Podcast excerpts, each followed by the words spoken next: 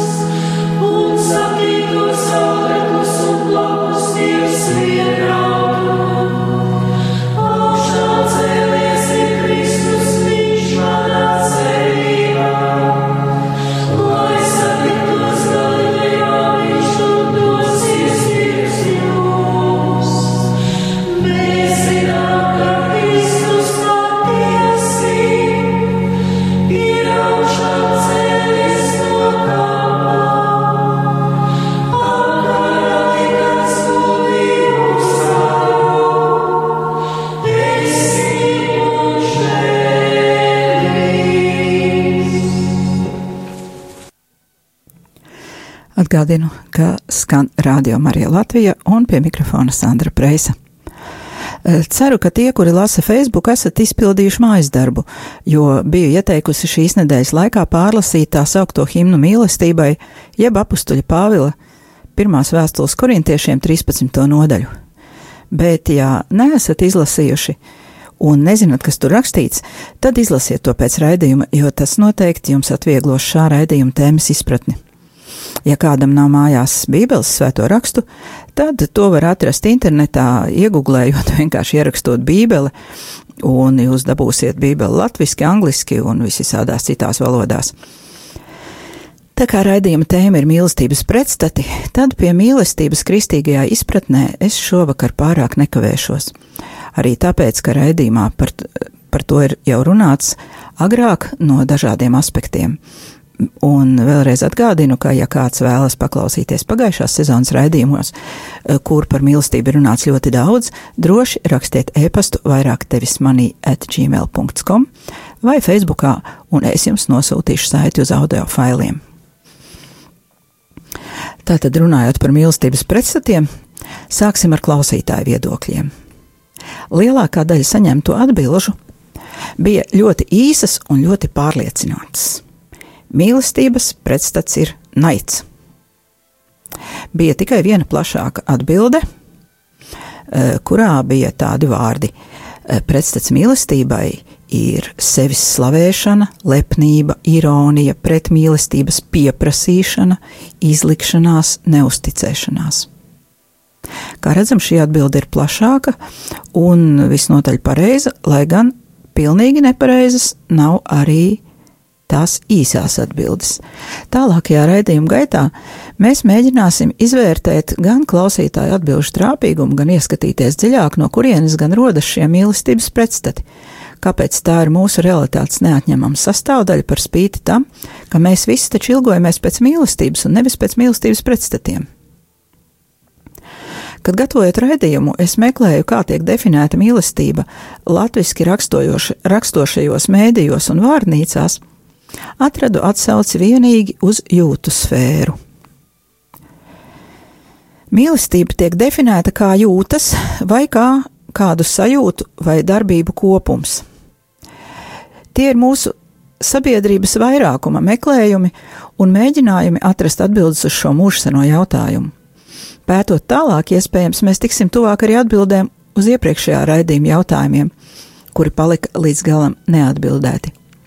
Un iepriekšējā jaut raidījuma jautājumi bija šādi. Par ko ir šis lielais naids pret kristiešiem pasaulē? Jo pēdējo divu gadu statistika liecina, ka kristieši ir visvairāk vajātā cilvēku grupa pasaulē. Kāpēc šie cilvēki tiek nogalināti, lai gan viņi nav izdarījuši neko krimināli sodāmu? Kas ir tas spēks, kas ļauj viņiem palikt uzticīgiem un atdot savas dzīvības, un nevis atteikties no ticības un palikt dzīviem. Vai tiešām šie cilvēki tiek vajāti un ir gatavi mirt par ticību pasaku tēliem, vai tomēr tajā visā ir kaut kas nopietnāks?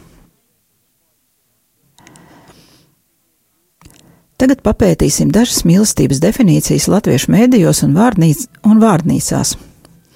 Vispirms latviešu valodas vārdnīca, kura vienkārši skaidro lat latviski latviešu valodas vārdus - mīlestība. Intīmas, dziļas un noturīgas pozitīvas jūtas pret citu cilvēku, kas ietver gan kaislīgu seksualitāti, gan platonisku maigumu, vecāku nesautīgo ziedošanos bērnu labā, vai arī uz izņēmuma stāvokli vērstu pievēršanos kādam pieaugušam partnerim. Tātad mīlestībā apzīmētāja nozīmē tiek lietota kā kāds, uz ko attiecas šādas jūtas. Parasti tas saistās ar daļdarbu, piemēram, mīlestības dziesmas. Arī apzīmētāja nozīmē tiek lietots saturs tāds, kā saturs atspoguļo šādas jūtas, piemēram, mīlestības darbs vai arī cilvēks, kas izraisa šādas jūtas, tu, piemēram, tu esi mana mūža mīlestība. E, tad vēl eh, šis vārds tiek skaidrots tā kā otra nozīme - intīmas, dziļas un noturīgas pozitīvas jūtas, kas vērstas, piemēram, uz kādu cilvēku, cilvēku grupu vai uz kādu individam nozīmīgu parādību, kas rosina viņu pilnveidot sevi, darboties šī cilvēka, cilvēku grupas parādības labā, arī dziļa sirsnība, draudzība un interese. Tad ir minēti tādi izteicieni, ko nozīmē mīlēt, izjust mīlestību. Eh, izjust mīlestību vienkārši, vai mīlēt sevi, eh, kas ir identificēts ar jēdzienu būt patmīlīgam. Un vēl mīlēt, tas nozīmē būt tādam, kam ir pastāvīga nepieciešamība, vajadzība vai arī tieksme pēc kaut kā. Sarunu valodā Eh, ar lapatiku lietot, piemēram, mīlēt kādu ēdienu, dzērienu vai lietu. Savienojumā ar darbības vārda nenoteiksmi būt tādam, kas ar lapatiku bieži kaut ko dara, piemēram, es mīlu pavadīt laiku svaigā gaisā. Citāta beigas. Tātad pievērsīsim uzmanību, ka vārnīca saka, ka mīlestība ir jūtas, un interesanti mīlēt sevi nozīmē būt patmīlīgam kas mūsu valodas izjūtā piešķir sevis mīlēšanai negatīvu nozīmi. Tātad mūsu tautas izpratnē ļoti dziļi ir iesakņota doma, ka sevi mīlēt ir slikti. Tas ir pilnīgā pretrunā ar baznīcas mācību un pretrunā ar Jēzus doto mīlestības bausli, par kuru runājām iepriekšējā raidījumā. Iespējams, ka tieši šī kolektīvā zemapziņas izpausme mums traucē pieņemt patiesību par Dievu mīlestību, jo pašos sirds dziļumos uzskatām, ka sevi mīlēt ir slikti. Un vēl viena iezīme šais skaidrojumos ir pieminēta mīlestība tikai uz radītām būtnēm vai lietām. Mīlestība uz Dievu nav pieminēta vispār. Interesanti, ka pirms vairākiem gadiem mana meita kaut kādam savam darbam meklēja mīlestības definīciju ne tikai latviešu rakstītajos materiālos un arī angļu un franču valodā viņa atrada tikai jūtas. Vienīgi portugāļu valodas skaidrojošajā vārnīcā, līdzīgā kā pieminētajā latviešu, ko es citēju, definīcija bija sekojoša. Mīlestība ir dabiska vēlme darīt otram labu. Runa, protams, ir par laicīgajiem un nevis par baznīcas savotiem, jo mēs, piemēram, zinām, ka nu pat ir iznākusi brīnišķīgā encyklika uh, Amor, Amoris Leticija, ko uzrakstīs pāvests Francisks, uh, bet tā, diemžēl, nav lasām latviski. No sirds iesaku lasīt angliski. Viņa nav rakstīta sarežģītā valodā, un viņa ir brīvi pieejama PDF formātā, uh, ja viņu vienkārši ieraksta Google, Amoris Leticija. Bet turpinām tātad par šiem laicīgajiem avotiem. Lielākā daļa Latvijas preses un citu mēdīju neiepazīstina ar baznīcas nostāju mīlestības jautājumos. T tomēr tā kā lielāko dienas daļu mēs pavadām sekulārajā vidē, neticīgu vai nepraktizējošu, ticību nepraktizējošu cilvēku sabiedrībā, ja vien mēs neesam mūķens vai priesteri, tad mums ir dziļi jāizprot, kas notiek cilvēka dvēselē un kas cilvēks vispār ir, lai mēs paši nepazaudētu sevi un dievu šajā pēcpatiesības laikmeta neskaitāmo viedokļu jūrā.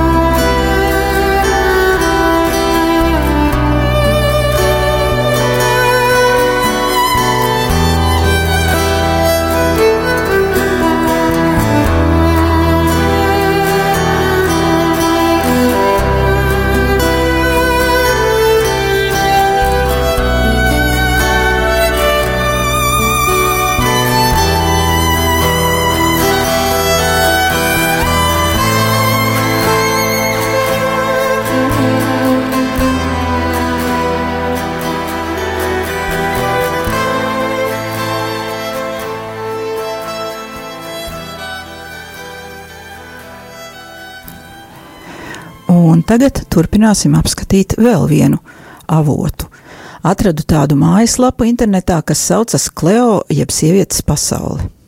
Un tur ir ļoti pamācošs raksts. Ko nozīmē mīlēt? Citēju. Uz šo jautājumu atbildes var saņemt tikpat daudz, cik cilvēku ir uz zemes. Vienam mīlēt nozīmē dot, otram ņemt, trešajam gan pieņemt, gan atdot, bet citam nozīmē rūpēties, aizstāvēt, un tā šo sarakstu varētu turpināt bezgalīgi. Citāta beigas. Tātad šeit mēs jau redzam mūsu laikmetam raksturīgo viedokļu dažādību, ar kuras palīdzību tiek radīts iespējas, ka viena patiesība nemaz nepastāv. Protams, ka, ja mazliet zinām filozofijas vēsturi, tad saprotam, ka šāds domāšanas veids, jeb sofistu skola, kā viens no daudziem ir pastāvējis vienmēr. Taču mūsdienu globalizācijas apstākļos jau ir jāsāk runāt par pēcpatiesības laikmetu. Tālāk Šajā sievietēm domātajā lapā seko pamācības, kā sievietei ir jāizturas pret vīrieti. Citēju oriģinālu. Pirmām kārtām atcerieties, ka uz pasaules nav ideālu cilvēku, un vēl jau vairāk vīriešu. Nav uz pasaules arī prinču uz baltajiem zirgiem.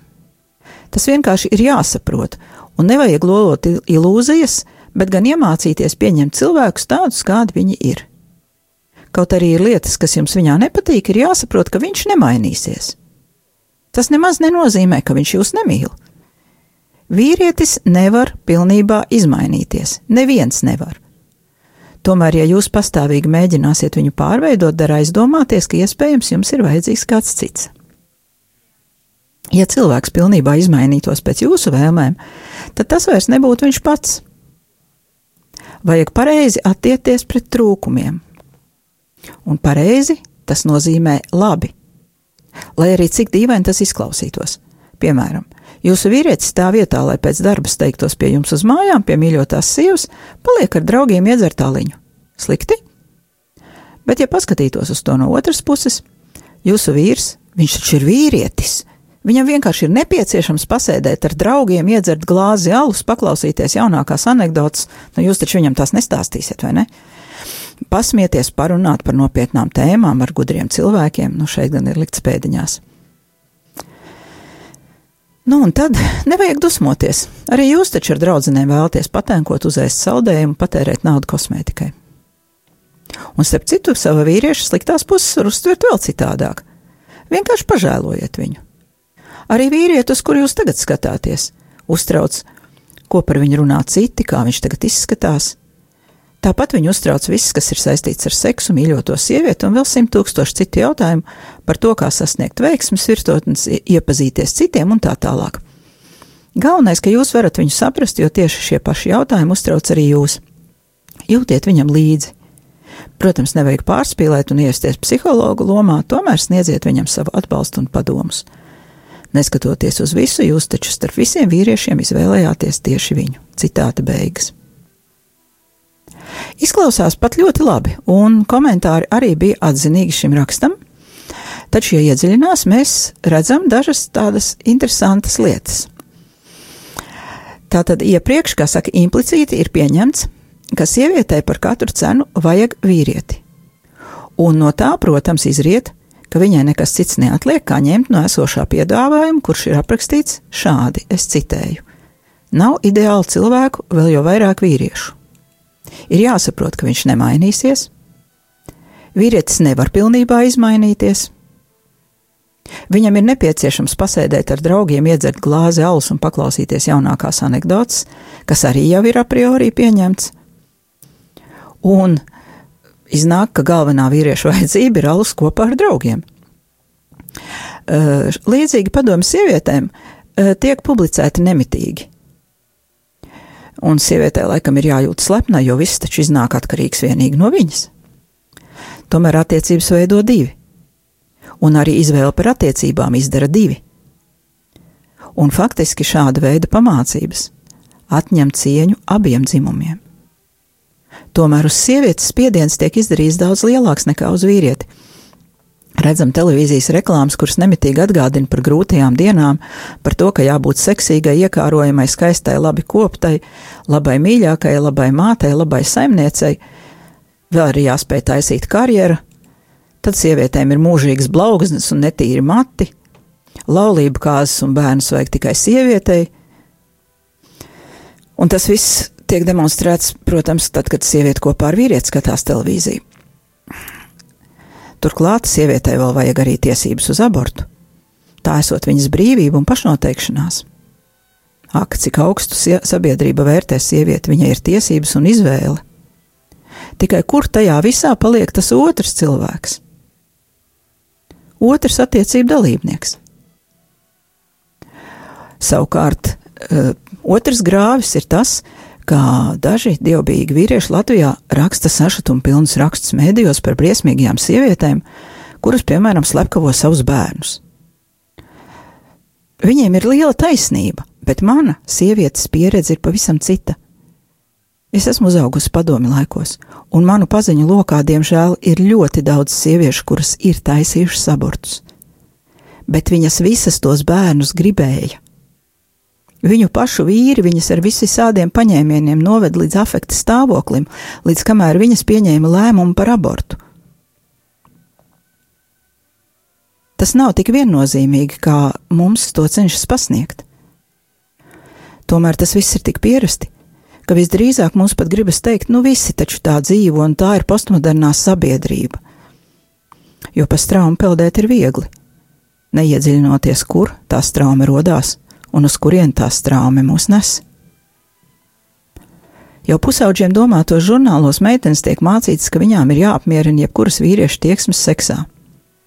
Es kādreiz mēģināju pašķirstīt kosmopolitēnu, ko pusaudzes gados lasīja man jaunākā meita. Tur tiek, kā pats par sevi saprotams, pasniegts tas, ka meitenei ir jādara viss, lai viņas vīrietis justos apmierināts, bet nekur nebija rakstīts, ka arī pašai meitenei, sievietei, ir jājūtas komfortabli to visu darot. Tur bija intervijas ar vīriešiem, kuri stāstīja, cik dīvains un smieklīgs sejas izteiksmes ir viņu meitenēm tajā laikā, kad viņas nodarbojas ar netradicionālu seksu. Bet varbūt šīs meitenes jutās slikti, bet baidījās atteikt, lai nepazaudētu savu draugu, jo viņām tā tas ir iestāstīts. Pašlaik mans runātais izklausās diezgan tendenciozi. Tā kā tādas senīlas vecenas žēlošanās, nu, ka manā jaunībā gan zāle bija zaļāka, vai ne? Taču tieši šis ievads mūs ved tuvāk izpratnē par to, kas tad īsti ir mīlestības pretstats vai pretstati. Pagājušajā nedēļā kādā žurnālā es izlasīju skarbu anekdoti, kura bija uzrakstīta pamācības formā. Un tā skanēja šādi. Tad, kad tev liekas, ka tu esi iemīlējies līdz ausīm, padomā labi. Varbūt, ka tu vienkārši gribi seksu.